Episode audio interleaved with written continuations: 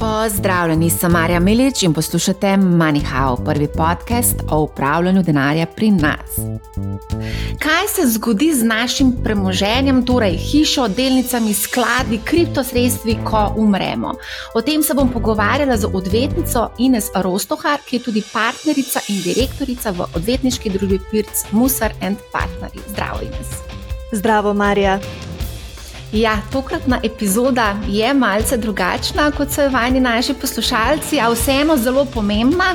Dobili smo kar precej vprašanj um, o tem, kako v bistvu poskrbeti za premoženje, kdaj napisati v poroko, kako ravnati v primeru kriptopremoženja. Teh vprašanj, vezano na kripto, je bilo zelo veliko. Kdo vse ima naše podatke o premoženju, kako podariti delnice otrokom in tako dalje. Predlagam, da se kar lotiva nekako sistematično, če bomo lahko uh, se teh vprašanj. Uh, greva kar takoj na začetku. Smrt načeloma preseneti svojce, uh, svojci so potem posledično tudi v šoku. Kakšni so tisti prvi koraki ob smrti bližnjega? Kaj moramo storiti, koga vse moramo obvestiti o tem, kako vse skupaj poteka? Ja, Marja, res je smrt v bistvu že sama po sebi, po sebi zelo neljub čustveno naporen dogodek, tako da k sreči vsi nadaljni koraki pri nas potekajo preus, uh, povsem avtomatizirano, eh, tako da ni nekih posebnih procesnih pravil. Res je, da takoj ob smrti, ne je treba smrt eh, seveda prijaviti na upravni enoti. V praksi več ali manj že pogrebni zavodi, ki se s to tematiko ukvarjajo, poskrbijo za te prve prijave, potem pa avtomatično poteka naprej matičar, ki je na upravni enoti, poskrbi za vabilo, za vabilo svojcev, to se pravi predvsem oseb, ki so z zapustnikom e, živele, otrok, zakonca, zunaj zakonskega partnerja, jih povabi na sestavo smrtovnice, to se pravi tistega dokumenta o prvih podatkih o zapustniku, o potencijalnih dedičih, pa seveda tudi o obsegu premoženja. Eh, večkrat se recimo v praksi srečamo z vprašanjem, kaj narediti uh, z bankami, kaj narediti z vrednostnimi papirji, to se pravi s premoženjem, uh, ki naj bi predstavljalo obseg zapuščine po pokojnem. In seveda eh, banke, pa tudi klirinško-depotne eh, družbe nimajo neke eh, uradne poti, to se pravi, po uradni dožnosti ne prejmejo podatkov o smrti njihovih komitentov, tako da jih je treba o tem obvestiti. Takrat, kadar so seveda razmerja med potencijalnimi dediči ustrezna, bom rekla, korektna, da se ne nakazuje na noben uh, konflikt, m, takrat ni treba uh, k ničemur hiteti. Pravzaprav se takrat lahko počaka samo na zapuščinsko obravnavo. Uh, res pa je, da žal v praksi veliko krat pride pa do. Konfliktnih razmerij, ko se žene nakazujejo v eno ali v drugo smer, takrat je pa prav, da katerikoli od svojcev recimo obvesti banko o smrti, predloži tam smrtovnico ali pa izpis iz uh, knjige umrlih, zato da banka prepove kakršnokoli razpolaganje sredstvi na transakcijskem računu. Da ne bi slučajno kdo izmed eh, dedičev, kdo izmed uh, tretjih oseb, ki so bile more biti predčasno pooblaščene za razpolaganje na tem računu, česar koli odsvojil. Takrat potem banka to, bom rekla, zablokira in čaka na pravnomočen sklep o dedovanju, ki pove, kdo dedičev in v kakšnem znesku, v kakšnem deležu lahko prevzame eh, tisto premoženje na transakcijskem računu. Predvidevam, da je podobno tudi pri borzno-posredniških računih. Kaj pa v primeru, da je tuje, tuje borzno-posredniška družba oziroma eh, tuja kripta, kriptomenjalnica? Um, kako pa je v tem primeru?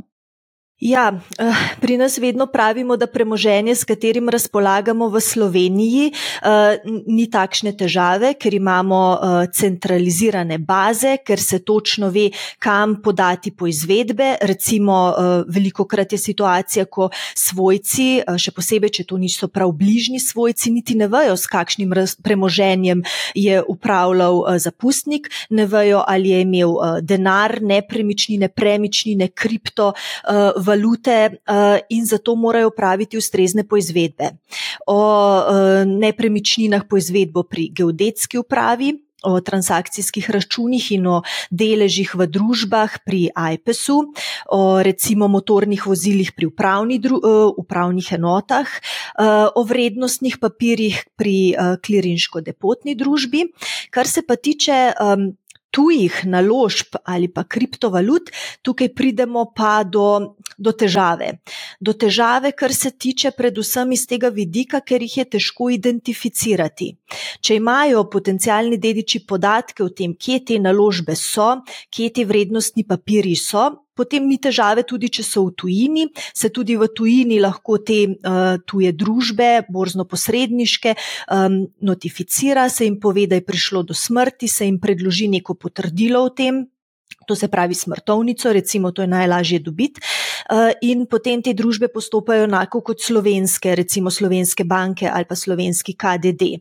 Pri kriptovalutah Tukaj je pa težava v prvi vrsti zato, ker smo v fazi, ki uh, še vedno niso regulirane, kjer nimamo neke enotne baze, uh, ne moremo enostavno poslati na določen. Uh, Naslov po izvedbe, reči, prosim, povejte mi, ali je imel ta in ta zapustnik, kakšne kriptovalute, kje jih je, jih je imel in seveda, kako do njih dostopam. Ne, to je že drug problem dostopa do teh kriptovalut.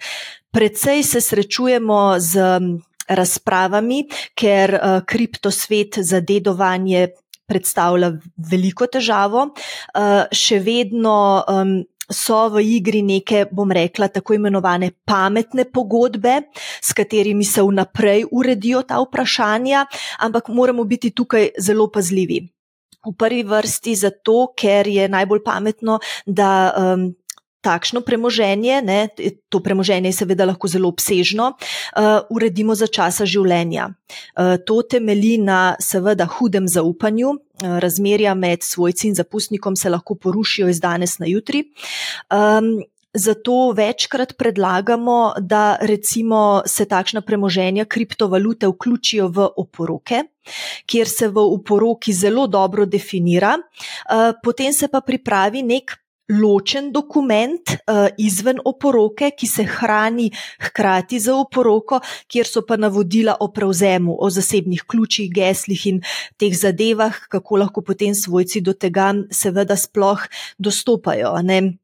Recimo. Um, V zadnjem času se srečujemo z raznimi medijskimi objavami, uh, umorov kriptomilionarjev in tako naprej. In tam se vedno pojavi klasično vprašanje, kaj bo z njihovim premoženjem. Ali uh, je bil namen takšnega dejanja ravno v tem, ne, da se prepreči razpolaganje s temi kriptovalutami, ker smo v popolnoma, bom rekla, uh, anonimnem svetu. Ne? Nihče ne ve, kdo razpolaga z njimi, kdo je ta oseba, niti se ne identificira z nekimi m, osebnimi podatki. Tako da um, še vedno, kadar nas pravnike kdo vpraša, kako postopati s kriptovalutami, če se le da, um, da se uredijo ta vprašanja za časa življenja. Ja, in to smo odgovorili tudi na vprašanje od Najca, kako urediti dedovanje po svoji smrti, predvsem kriptodenarnic, ki imajo lahko veliko vrednost, a brez zasebnih ključev nihče ne more docopati do tega. Tako da to je to. Tako, tako. Um, zdaj, to je idealni scenarij. Ne? Pogosto se pa v bistvu številni uh, skrivajo svoje premoženje pred svojci. Kaj pa v tem primeru, ali lahko sploh kako pridemo do teh podatkov? Dobro, za kriptovalute imamo že problem. Ne? Kaj pa recimo za druge uh, naložbe, ki jih imamo recimo na nekih uh, menja, uh, borz, uh, borznih, borzno-posredniških računih v tujini, recimo na Trade Republic, Interactive Brokers in recimo eToro in drugi, drugi uh, brokeri. Ja, tujina nasplošno predstavlja težavo. Če imajo potencijalni dediči, svojci, recimo, vsaj približne podatke, kje se te naložbe nahajajo, potem še vedno lahko na podlagi tega, da so dediči, da imajo zakonito pravico upogledati v osebne podatke. Umrlega, a ne upravijo takšne poizvedbe tudi v tujini. Če pa seveda nimajo teh podatkov, Dosti krat se to tudi zgodi, pa ne samo v primeru nekih naložb, recimo problematični so že transakcijski računi izven Evropske unije. Mhm. Ne, Evropska unija um, ima pravilo, da uh, države um, prijavijo transakcijske račune slovenskemu IPES-u, tukaj ni težav, če gre pa za kakšne bolj eksotične um, destinacije, ne, potem pa se seveda ta sled izgubi. In dosti krat v praksi pride do situacije, ko določeno premoženje propade, ker dediči ga enostavno ne najdejo. Tukaj se poslužujejo raznih poizvedb po uh, tujih klirinško-depotnih družbah, po tujih bankah, celo recimo sodelovanja kakšnih um, zasebnih detektivov, ki potem pomagajo pri iskanju tega premoženja. To se pravi, ta postopek je lahko precej filmski. Um, je pa res, da če je tega premoženja veliko, se takšne uh, investicije v takšno iskanje splača, konec koncev, uh, lahko so pa potem kateri izmed teh dedičev tudi negativno uh, presenečeni ali pa razočarani. Tako da um, skrivanje premoženja je velik problem, še posebej, kadar gre za tujino. Koliko pa je teh primerov, recimo v praksi, da, da, da se skriva premoženje? Um, Moram reči, da pri nas recimo so težave predvsem v primeru nekih eh, zakonskih zvez ali pa zunaj zakonskih skupnosti, ki mogoče samo, same po sebi niso najbolj uh, idealne ne? Eh, in se skrivanje premoženja pojavi ne samo v primeru dedovanja, ampak tudi v primeru ločitev. Eh, v praksi se sem in tja srečujemo s kakšno tako situacijo, res pa je, da je Evropska unija, bom rekla, precej izboljšala to stanje, ker tukaj je pa precej velika transparentnost na srečo in je težko skriti premoženje na ta način še vedno pa obstajajo tudi znotraj Slovenije določeni mehanizmi, recimo prepis premoženja na kakšne tretje osebe, ko je potem tudi s poizvedbami, recimo pri geodetski upravi ali pa s poizvedbami pri KDD-ju, preko imena in priimka željene osebe, ne mogoče priti do premoženja, eh, katerega, bom rekla, zadnji ali pa dejanski lastnik je ta oseba. Prepisujejo premoženje na, recimo, ali na svojce ali na tretje osebe, in potem včasih človek res more biti precej iznajdljiv, eh, da poišče tisto, kar, kar dejansko uh, ga zanima. Hm. Zanimivo. Um, a, a, a se lahko obrneš recimo na finančno upravo, da bi dobil informacije, ker iz finančne uprave so nam sporočili, da v bistvu na podlagi avtomatične izmenjave informacij o finančnih računih v tujini prejmejo vsako leto podatke o obrestih, dividendah in tako dalje. Ja. Je, je to tudi ena rešitev? Um, FURS pri nas, bom rekla, da je že skoraj, da uh, ima policijska pooblastila, to se pravi, ima veliko um, pristojnosti. Uh, edina težava je, da do teh podatkov lahko pridemo v trenutku, ko imamo nek, bom rekla, zakonit interes. To se pravi, ko smo uh, dediči, ko se izkažemo z nekim vabilom na zapuščinsko obravnavo. To se pravi, ko imamo neko dokazilo, da smo res oseba, ki je potencialno upravičena do teh podatkov, in takrat FURS seveda je tudi na razpolago. Veliko krat recimo pride do tega, da se upravi prva zapuščinska obravnava na sodišču in potem sodišče na predlog eh, dedičev, potencijalnih dedičev, opravi tudi te poizvedbe in preko teh podatkov um, se potem lahko tudi, bom rekla, končno premoženje včasih najde. Uh mhm. -huh. Um, prej sem menila, da je smiselno v določenih primerjih uh, napisati oporoko za čas življenja. Koliko je recimo teh primerov, da se dejansko se to uredi še za čas življenja? Ja, uh, Vsakič, ko zapustnik eh, želi, da se deduje po njem na drugačen način, kot ga predvideva zakon, to se pravi, ko se ne strinja s tem, da bi dedovali po njem, eh, po njem tiste osebe, ki so po zakonu predvidene, recimo v prvem dednem redu, v prvi vrsti to, eh, so to otroci in pa zakonec oziroma zunajzakonski partner. Če zapustnik želi, da se deduje drugače, potem je smiselno napisati seveda oporoko. Oporoka moram reči, da se pogosto srečujemo s pisanjem oporok.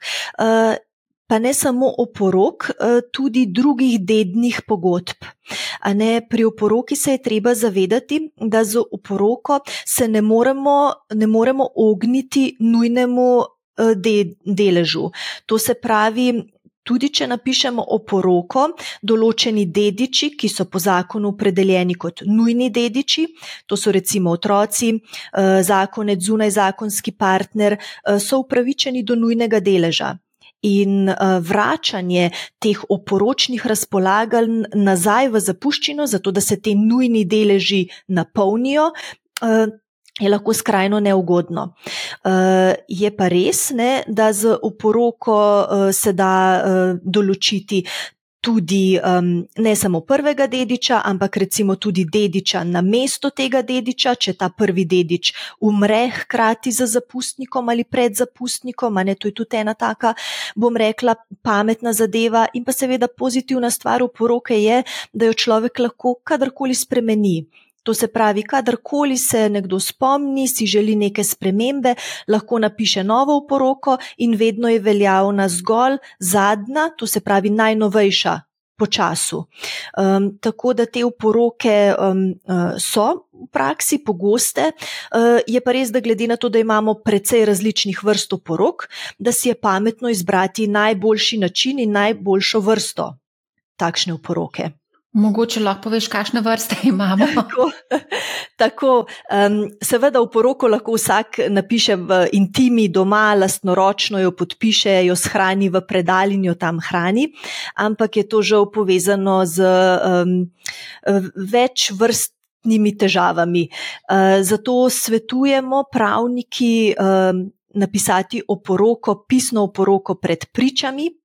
To se pravi v poroko, ki se seveda sestavi po volji, po željah zapustnika, napišejo lahko kdorkoli, čeprav seveda priporočamo, da jo napiše nekdo, ki ima saj neko okvirno pravno znanje, pa ne iz drugega razloga kot zato, da premoženje, ki je predmet dedovanja, ustrezno opredeli, da torej napiše recimo, eh, pri katerih bankah so transakcijski računi odprti, da dobro identificira nepremičnine, ki so predmet dedovanja, to se pravi opredeli hišo ali stanovanje z zemljiško-knjižnimi podatki, z ID znakom, parcelno številko, katastrsko občino in tako naprej. Eh, in pa seveda, da zapustnik takšno oporoko prebere, prebere na glas pred dvema popolnoma objektivnima pričama. Tukaj se izognemo več težavam.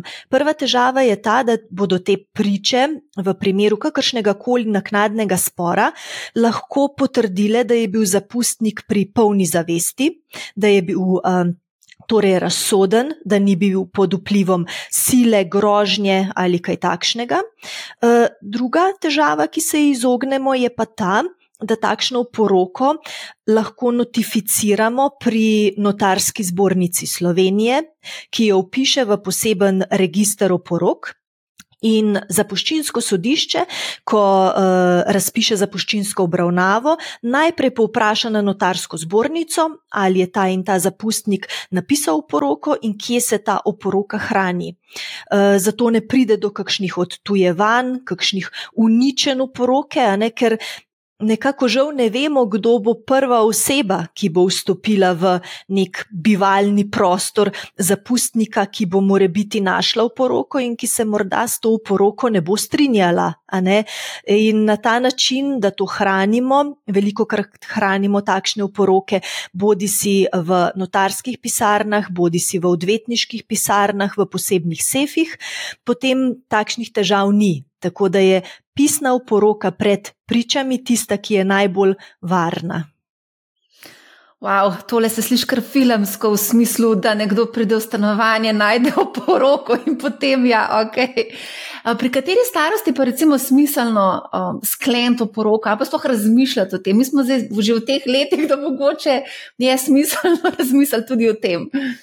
Ja, uh, jaz vedno tako rečem, ne, nekega, neke absolutne starosti, kjer je to priporočljivo, ni. Lahko gre človek danes uh, po cesti ga zbije avto in je to to. Tako da, ko si morda ustvarimo neko premoženje, uh, je smiselno razmišljati v tej smeri, še posebej zato, ker uh, če tudi si kasneje kadarkoli premislimo, enostavno napišemo novo poroko, spremenimo svojo voljo. Tako da ne bom rekla, da, da nikoli ni prezgodaj, ne, ampak um, ko smo v neki odrasli dobi in imamo neko premoženje, ne, takrat je smiselno razmišljati v tej smeri. Se pravi, če se ti odločiš napisati oporoko in, in jo daš v registr oporok, kakšne stroški nastajajo uh, v povezavi s tem?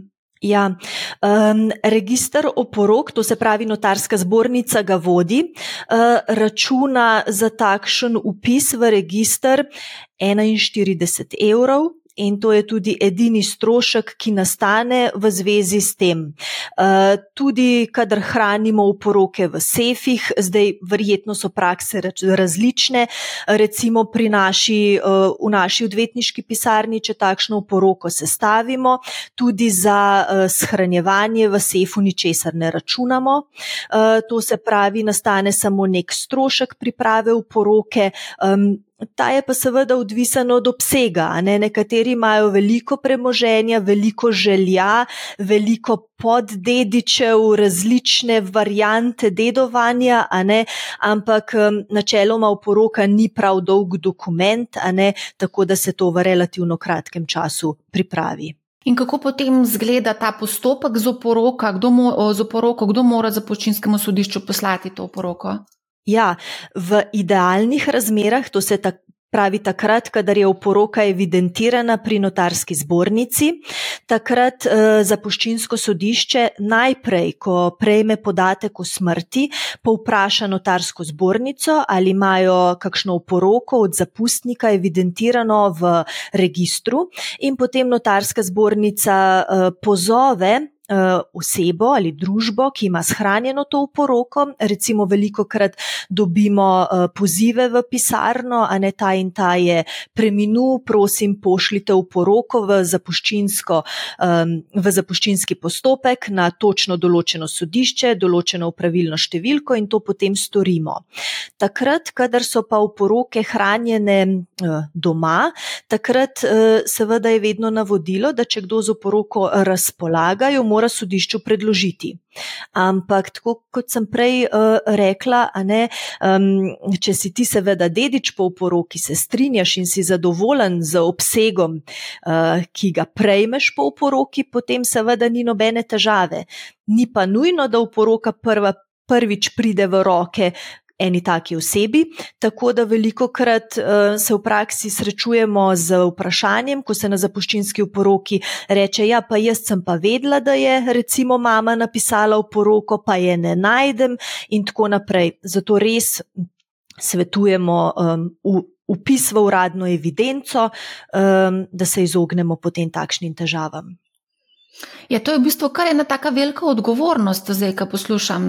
Pravi, za, že za časa življenja v bistvu moramo, moramo biti odgovorni do svojega premoženja in do tega, komu ga bomo potem seveda dali, oziroma kdo bo potem podedoval naše premoženje. Se mi zdi, da je to kar ena tako velika odgovornost. Ne? Mislim, da je to res velika odgovornost, zato ker. Ne samo, da poskrbimo, ne, da naše premoženje res uh, prejme tisti, za katerega si mi osebno želimo, da ga prejme, ampak v velikih primerjih, vsaj v praksi se je tako izkazalo, s tem lahko preprečimo tudi številne konflikte, številne zaplete med svojci, um, vrsto let pravdanja, kregarije, stroškov, a ne um, nič ni hujšega kot uh, primer, ko se trije bratje med seboj na zapuščinski obravnavi tako hudo sprejo glede uh, dedovanja, da nikoli več v življenju ne spregovorijo med seboj. Ne? In če bi um, uh -huh. vsak pri sebi ne, sprejel to odgovornost in rekel, jaz si pa želim to nekako urediti, ne, ali s zapisom o poroke, ali z zapisom kakšne izmed dednih pogodb, ne, s katerimi so seveda svojci lahko seznanjeni, se z njimi strinjajo, ne, um, bi bilo potem precej manj takšnih dolgotrajnih, um, psihično napornih in tudi zelo dragih sodnih postopkov. Je, koliko časa pa trajajo ti postopki, če lahko neko poprečno dolžino mogoče izpostaviš? Ja, zdaj v zapuščinskem postopku, to je tisti prvi postopek, do katerega pride po smrti, tam lahko pride do številnih ugovorov. To pravim zato, ker nekateri dediči se recimo ne strinjajo z veljavnostjo oporoke, nekateri se ne strinjajo s tem, kdo sploh je dedič.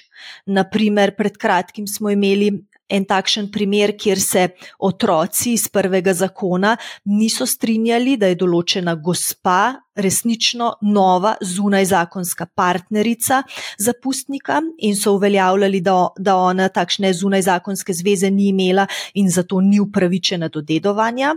In v vseh takšnih primerih so tisti dediči, ki želijo uveljaviti neko svojo pravico, strani zapuščinskega sodišča napoteni na pravdo. To se pravi, napoteni so, da morajo v ločenem postopku vložiti ločene tožbe, s katerimi dokazujejo svoj prav. Ti postopki trajajo do pravnomočnosti, ker se je treba zavedati, da tudi ko je sodba enkrat na prvi stopni, se ena ali druga stran s to sodbo ne strinja se lahko pritoži, kar pomeni, da še na višjem sodišču to traja, recimo od 5 do 7 let do pravnomočnosti, in šele ko je postopek pravnomočno končan, se zadeva vrne nazaj na zapuščinsko sodišče in se zapuščinski postopek nadaljuje. Zdaj, če si predstavljaš, ne, da se v prvi fazi lahko izpodbija najprej kdo je dedič, potem se lahko izpodbija v novem postopku, da oporoka ni veljavna, da je recimo podpis ponarejen, da je nekdo recimo vodil roko zapustnika. Da zapustnik ni bil razsoden, bolan, dementen, a ne ti postopki lahko trajajo toliko časa, da potem tudi tisti dediči imajo od te zapuščine bore malo. Ja, to si predstavljam, sploh ko gre recimo za kakšne delnice, pa ne veš, kaj se zgodi na, na borzi. Um, a ja. gremo mogoče se dotakniti tega portfelja? Ne? Se pravi, tukaj smo dobili eno vprašanje, ali se portfelj nalož prenese na dedovano osebo, kakšni so davki, kaj se dogaja z vrednostimi papirji v času, ko postopki tečajo, ker to se lahko eventualno plemeniti, lahko pa tudi, glede na to, da je borza dinamična, predvsej izgubi na vrednosti. Kako je v tem primeru? Ja, res je. Ne? Vrednostni papiri so ena taka stvar, ne, um, kjer, kjer njihova vrednost lahko zelo varira. In če človek ni hiter, ne pravočasen, ne lahko uh, vrednost precej pade. Uh, zato je v zapuščinskem postopku, tako kot sem rekla, ti postopki so lahko dolgotrajni, to lahko traja leta in leta in leta, a ne se v primeru, kadar obstaja eh, nek sum, da bo nastala škoda za zapuščino, se imenuje posebnega skrbnika. To se pravi, sodišče imenuje posebno osebo, ki bo v dobro zapuščine in v dobro vseh potencijalnih dedičev skrbela za to zapuščino. To more biti ustrezen strokovnjak, ki ga seveda lahko predlagajo potencijalni dediči, vendar takrat, kadar je med njimi hud konflikt, potem sodišče postavi kot skrbnika neko tretjo osebo. Ta tretja oseba je lahko tudi finančni strokovnjak, celo v primeru, ko imamo na vidiku razpolaganje z vrednostnimi papirji, je to pametno, ne, da ima neko znanje z tega področja ne, in da potem lahko to zapuščino, to se pravi, če govorimo o vrednostnih papirjih, s temi vrednostnimi papirji ustrezno razpolaga za časa, dokler se popolnoma ne razčisti, kdo bo pravzaprav sploh dedoval te vrednostne papirje in koliko. Kar pa je pomembno, a ne je pa tudi to, da e, zapuščina, premoženje preidejo na dediče v trenutku zapustnikove smrti. To se pravi, če tudi se kasneje, čez leta in leta, razčisti, kdo je dejansko dedič, ta dedič te vrednostne papirje, pa tudi drugo premoženje, deduje za nazaj. To se pravi, se šteje, da je postal lastnik v trenutku zapustnikove smrti. To je pomembno z vidika vrednosti, a ne. Um, Je pa prav, ne, da se te, te skrbniki, ki so seveda za svoje delo tudi ustrezno plačani, ne, dediči morajo plačati seveda stroške takih skrbnikov, recimo upravljanja z vrednostnimi papirji. V Sloveniji sicer bolj pogost primer, da se skrbniki postavljajo recimo v primeru um, dedovanja kakšnih kmetijskih zemljišč, ko imamo recimo kmetije živali. Uh, uh, Takšne zadeve, ko je res pomembno, da nekdo s tem premoženjem upravlja, ga neguje, zanj skrbi, ne, da ne nastaja škoda. Ja, tale skrbnik, zelo zanimivo, finančni strokovnjak. Kdo pa so ti finančni strokovnjaki? Ker recimo konkretno za finančne svetovalce nimamo natančno opredeljeno, oziroma niti nadzora ni nad njimi, kaj počnejo. Tako da tukaj se mi zdi, da bi lahko prišlo do nekih mahinacij, eventualno. Ja, jaz si predstavljam, ne, uh, glede na takrat, kadar se svojci lahko sporazumejo, ne, kadar je njihovo edino vodilo, da se premoženje ohrani ali pa celo plemeniti, če govorimo o vrednostnih papirjih, ne, takrat se bodo že toliko potrudili in uskladili, da bodo imenovali nekega strokovnjaka, ki to res je. Glede na to, da pa nimamo pri nas neke evidence, recimo eh, sodnih izvedencev za finance, ne, ker recimo uh mhm. -huh. sodne izvedence za skoraj vsa druga področja imamo, ne, za nepremičnine, za motorna vozila, za vse sorte, ne, za, za finance jih pa ni, tako da določen riziko seveda obstaja. Marsikatere zgodbe so že krožile v tem, kako se te strokovnjaki ali pa te skrbniki lahko tudi okoristijo na določen način. Um, tako da to seveda predstavlja neko težavo, je pa pomemben pa vseeno, po mojem mnenju, nek določen angažma. Teh svojcev, teh potencijalnih dedičev, da če ne drugega, da vsaj izvajo nek nadzor, da se pozanimajo, da povprašajo ne, in skušajo na ta način preprečiti kakšne mahinacije, ne, do katerih žal um, vedno lahko pride. No, in evo, tukaj je spet potrebno izpostaviti, da je tukaj pomembno spet finančno znanje oziroma finančno opismenjevanje. Se mi zdi, ne vem. Um, še eno zanimivo vprašanje smo dobili. Kaj se zgodi, če vlagatelj umre tik potem, ko je odsvojil papirje, ali so dediči dolžni plačati davek na kapitalski dobiček v tem primeru? Ja, um, tako kot večkrat rečemo, ne, pri nas eh, sta, sta gotova samo smrt in plačila davkov, ne, tako da se tem davkom žal ne, ne moremo izogniti. Tudi temu davku, ki si ga omenila na kapitalski dobiček, ne, uh, ta davek bremeni dediščino. To se pravi, eh, dediči, ki podedujejo dediščino, ne, dedujejo ne samo aktivo, ampak žal tudi pasivo. To se pravi tudi dolgove, ki s tem v zvezi nastanejo ostanejo, eh, kar pomeni, da se ta davek odmeri od dediščine in ga dedič, ki prejme dediščino, mora tudi plačati naknadno. Je pa pomemben podatek ta, ne večkrat me vprašajo, eh, recimo, kaj pa če so dolgovi res ogromni, pa ne samo od davkov, ne vse vrste stvari, lahko so krediti, posojila, karkoli. Ne, eh, v tem primeru obstaja možnost če so te dolgovi preveliki, da se nekdo lahko tudi odpove dedovanju. Ta odpoved dedovanju je pomemben korak, pomembno pa je, da se dolgovi dedujejo samo do višine podedovanega premoženja. To se pravi, če podeduješ določeno premoženje, samo iz tega premoženja uh, se plačujejo razne dajatve, razni dolgovi. To se pravi, svojci, ki so nekaj podedovali, niso dolžni iz lastnega premoženja, to se pravi iz drugega premoženja, česar koli poplačati. Zato Večkrat mi rečejo, da se splača počakati na prvo zapuščinsko obravnavo.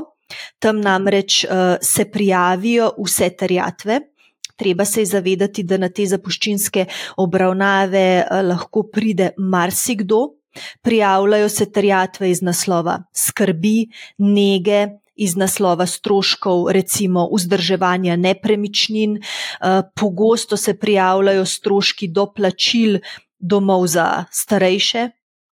Uh, zato je to pomembno, da se na tej obravnavi ugotovi, kakšna je sploh aktiva in kakšna je pasiva, in na podlagi tega se potem dediči tudi lahko odločijo, ali bodo prevzeli dediščino ali ne. Nise, niso je dolžni, ne? tako da takrat, kadar je res veliko dolgov, takrat pride pogosto do odpovedi dedovanju. Ja, koliko pa je takih primerov, da se odpovejo dediščini? Um, Moram reči, da recimo v primeru, ko imamo um, zapustnike, ki so kakšni starejši, starejše osebe, ne, ni žal vedno tako, ampak recimo, da je to najpogostejši primer, ne, takrat um, takšnih dolgov um, ne vem, koliko niti ni. Mogoče je kakšno doplačilo kakšnega doma, Ne, čeprav recimo v skladu z družinskim zakonikom so otroci dolžni že za časa življenja poskrbeti za svoje starše, pod predpostavko, da so ti starši ustrezno skrbeli za otroke. To se pravi, se ta doplačevanja domov um, uresničujejo že za časa življenja.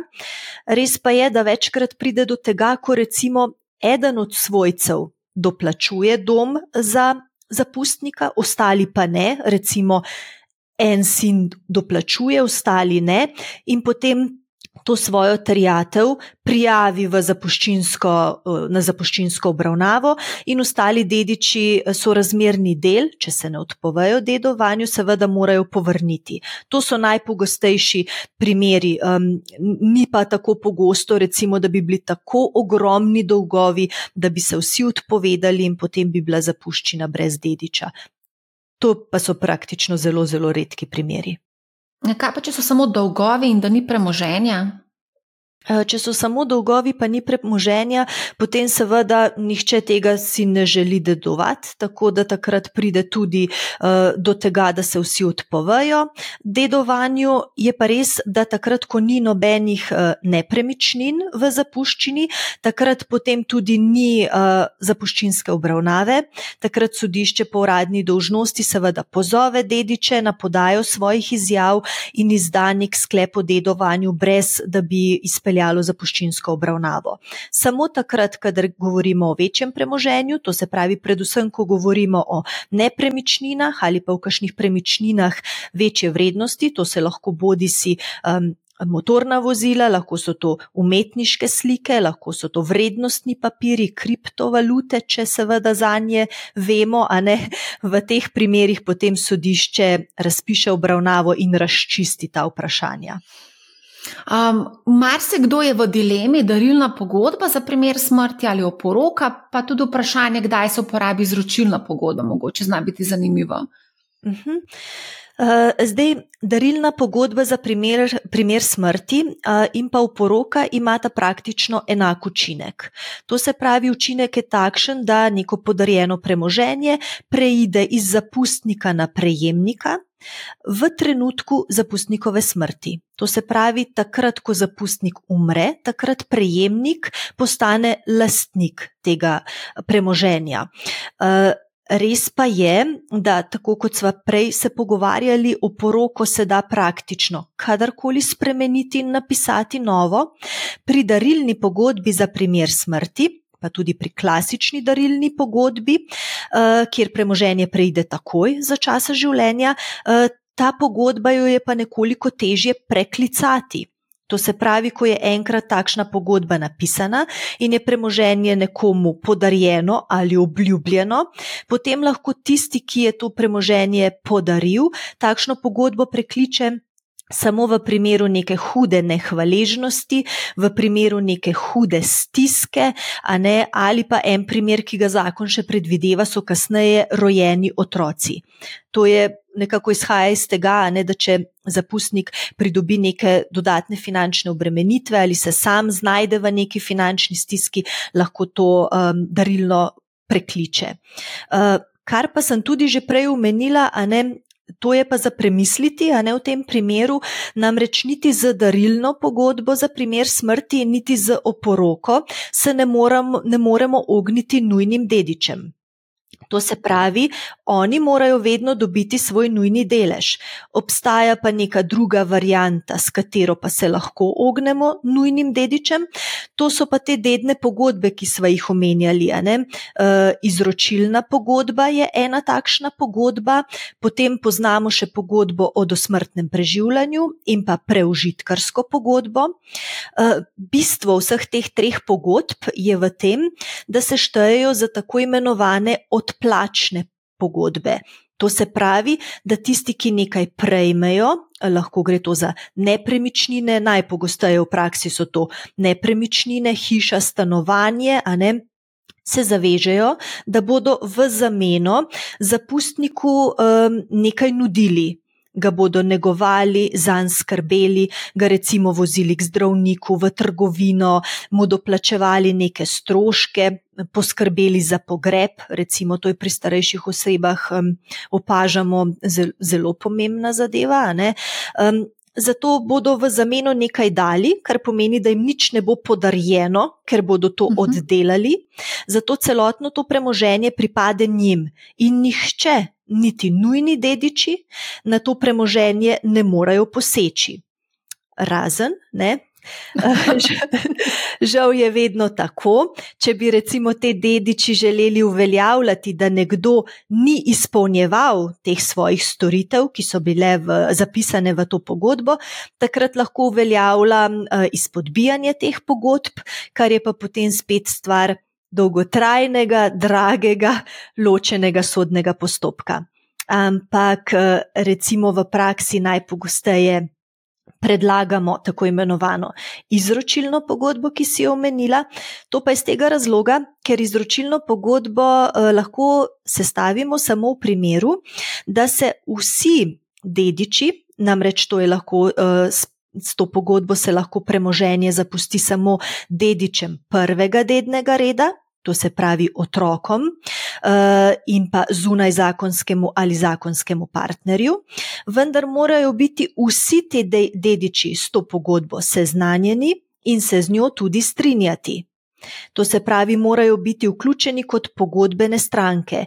In v praksi se še nismo srečali z izpodbijanjem takšne izročilne pogodbe, ker če jo je nekdo podpisal, se nekako šteje, da se je z njo tudi strinjal, bil z njo seznanjen, in uh, je potem v teh primerih res manj težav.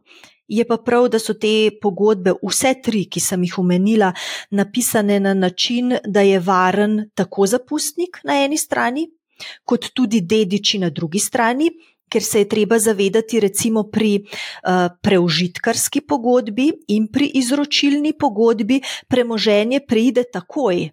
To se pravi, zapustnik recimo svojo hišo, pre, prenese na prevzemnika, kar pomeni, da zapustnik sam ni več lastnik te nepremičnine. Če gre za nepremičnino, v kateri ta zapustnik recimo živi, je potem smiselno vključiti dodatno varovalko, uh, užitek stanovanja pravico, da do smrti to stanovanje tudi uživa. In pa tudi v obratnem primeru, ko govorimo recimo o pogodbi o dosmrtnem preživljanju, po tej pogodbi pa premoženje preide v last prevzemnika šele v trenutku, ko zapustnik umre. To je lahko časovno precej oddaljeno, uh, in je prav, da se upiše v takšno pogodbo prepoved odtujitve in obremenitve, da ne bi recimo po desetih, dvajsetih letih prejemnik prejel nepremičnino, ki bi bila obremenjena s hipotekami, ali ki je recimo niti ne bi več bilo, ker bi jo zapustnik v mestnem času se premislil, pa bi jo prodal ali nekomu podaril, prejemnik bi pa vse čas skrbel za tega zapustnika.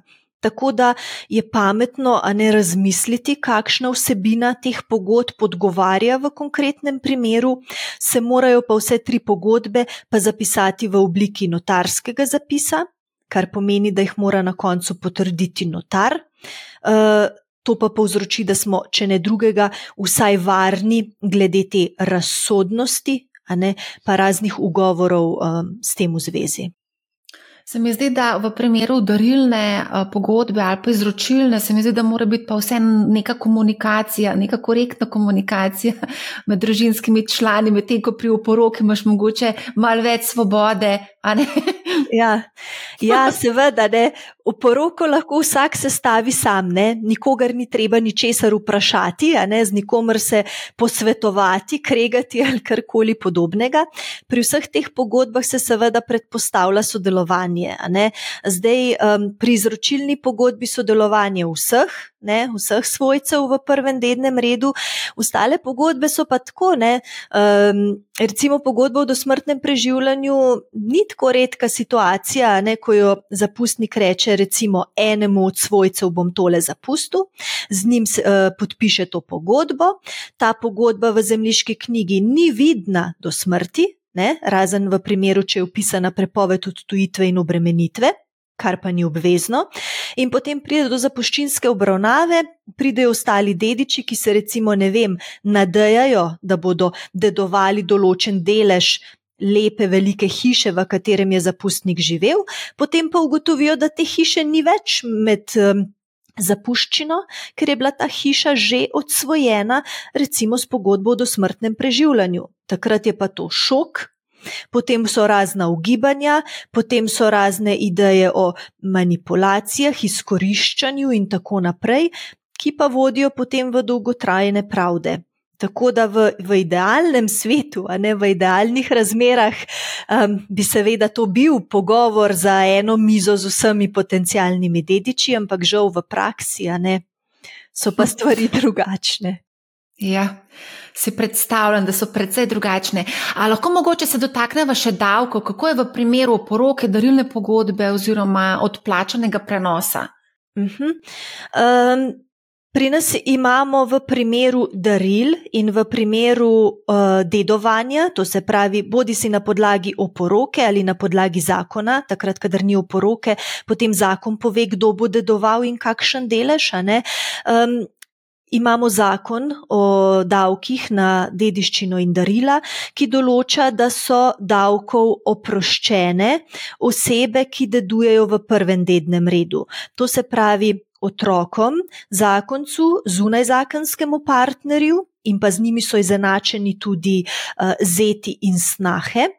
Uh, te osebe davka ne plačajo, so oproščene davka, ne glede na to, ali neko premoženje dobijo z darilom, bodi si z darilno pogodbo za časa življenja ali z darilno pogodbo za primer smrti, eh, ali pa če dedujejo na podlagi uporoke ali zakona.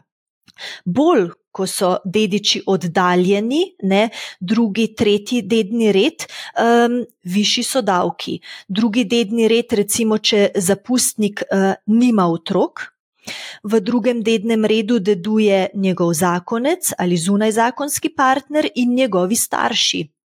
Te dedujejo um, po enakih delih, to se pravi oba starša eno polovico, zakonec ali zunajzakonski partner drugo polovico, in davke je treba plačati. Zdaj, višina davkov je odvisna od tega, v katerem dednem redu se deduje, bolj oddaljeno, ko je svojstvo višji je procent davka, in pa seveda višja, ko je vrednost uh, zapuščine, višji je davek. V zakonu so posebne tabele, kjer se potem to preračunava po procentih, ampak žal, razen teh najožjih svojcev v prvem dednem redu, se vedno davek vzpostavi. Kar se pa tiče odplačnega prenosa, ne, ki si ga omenila, eh, poleg darila in oporoke, odplačni prenos, to je pa prenos še za časa življenja, tam so pa žal klasični davki. Če, um, če prodajamo nepremičnino, je to davek na promet z nepremičninami, 2% od vrednosti, kapitalski dobiček enako. Mislim, da je po zadnjih um, idejah še vedno 25-odstotni, če, če se kaj ne bo spremenilo v bližnji prihodnosti. Uh, tendence so, tako da um, tam so pa te klasični davki, ki jih je pa treba žal vedno plačati. Vsak dan. Ja, res je, ja. Ja, in vsakeč, ko pride nova vlada, se spomnim, da bomo mogoče pa spremenili te davke. Ampak dobro, to je druga debata. Um, eno zelo, zelo pogosto vprašanje, ki ga dobivamo na Manihau, je predvsem, kako urediti prenos recimo kupljenih nekih naložb, skladov, delnic na otroka, ko ta dopolni 18 let. Se pravi, starš danes kupuje za svojega otroka, ko ta dopolni 18 let, kako zdaj to urediti, ta prenos? Brez seveda davka, če to možno. ja. Uh, prenos na otroka ne, je prvi dedni red in je vedno prost davka. Tako da otroku davka ni treba plačati, kar je recimo zanimivo, če bi otrok podaril nekaj staršu, ne, je pa že drugi dedni red, pa starš mora plačati davek, ne, kar se mi zdi mogoče malo nelogično. Ampak um, Veliko je nekih naložbenih skladov, veliko je nekih um, naložb, ki so prav namenjene uh, tej vrsti vrčevanja, to se pravi vrčevanja za otroke, kjer so pogodbena določila takšna, da ko otrok dopolni 18 let starosti, um, preko nekih avtomatiziranih poti ta sklad, te, te naložbe, ta vrednost, ki se dotedaj nabere, preide na otroka.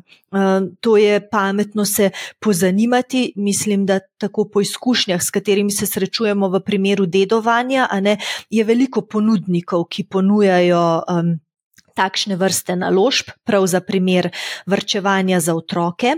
Če pa naložba ni takšne vrste, a ne se pa še vedno lahko prenese najbolj praktično kot darilo, glede na to, da eh, je prosto davka prenos takšnega darila iz starša na otroka. Zdaj, če imaš ti recimo račun pri nekem tujem brokerju, kako to urediš? Potrebuješ darilno pogodbo, jo prevedeš v angliški jezik in pošljaš brokerju? Ja, zdaj, če, eh, če imaš podatke, ne seveda um, razpolagaš s svojim premoženjem, ne imaš vse ustrezne informacije, se potem to dogovoriš s tem uh, brokerjem. Seveda, treba je z njim komunicirati. Pri nas recimo, če, če imamo tuje državljane, ki želijo te stvari v Sloveniji urejati, slovenske družbe, recimo uh, družbe za upravljanje vzajemnih skladov, takih in drugačnih naložb, želijo imeti um, te pravne podlage, to se pravi darilno pogodbo, uradno, sodno, preko sodnega tolmača, prevedeno v slovenski jezik. Um, seveda gre tudi kontra za druge države, in je to pravzaprav pogodbeni odnos. Odnos med um, tabo kot um, lastnikom premoženja in nekim tujim brokerjem, ki s tem premoženjem v tvojem imenu in nad, po tvojem pooblastilu razpolaga.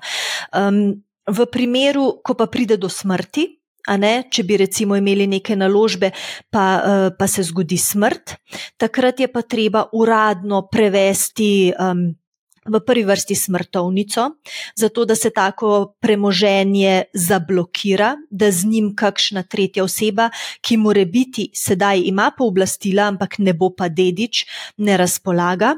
Kasneje se pa zahtevajo pravnomočni sklepi o dedovanju, kjer je v tem sklepu točno zapisano, kdo je dedič, v kakšnem deležu in katerega premoženja. To zahtevajo tudi tuje družbe za upravljanje, tuje banke, recimo, je zelo pogosto, ali pa tudi tuje uh, geodetske uprave, v primeru, ko gre za nepremičnine, ki so v tujini takrat je treba biti pozoren, um, da se to na ta način uredi. Tudi neki evropski nalogi, recimo s Hrvaško, je pogosta zadeva, ne, ko imajo slovenci um, uh, vikende na Hrvaškem, ne, ki so pogosto predmet dedovanja, ne, takrat se to ureja, seveda vse preko uradnih prevodov.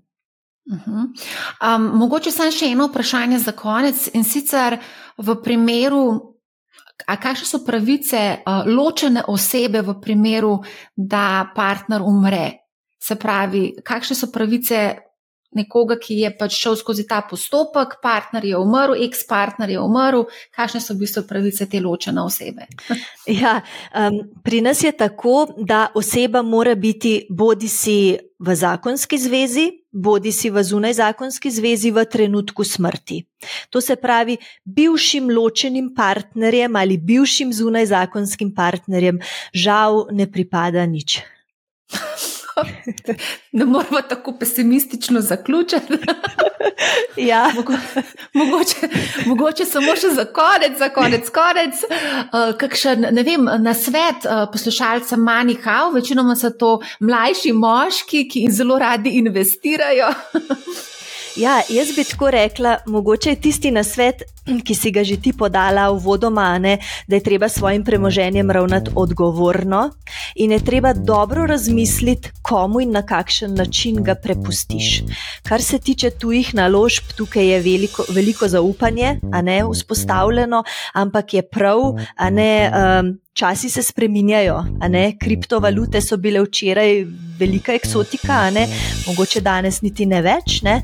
Um, in je prav, da na ta način uh, pristopimo, da že za časa življenja, če se le da, premoženje ustrezno razdelimo, ustrezno namenimo, ker s tem. Um, Ne le, ne, da, da se izognemo uh, sporom, izognemo se raznim zameram, ne, Včasih na koncu več velja, da se nekdo še vedno pogovarja, ustaja v dobrih odnosih, ne, pa ima finančne uh, stvari razčiščene. Tako da predlagam, ne, da če se le da, da se to premoženje razdeli za časa življenja, ko je človek še, bom rekla, pri zdravi pameti uh, in nameni točno določenim osebam tisto, kar želi nameniti.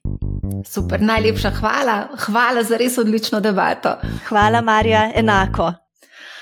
Hvala tudi vsem, ki ste nas gledali in poslušali. Poslušajte Mani Hau, ne bo vam žal in lep pozdrav.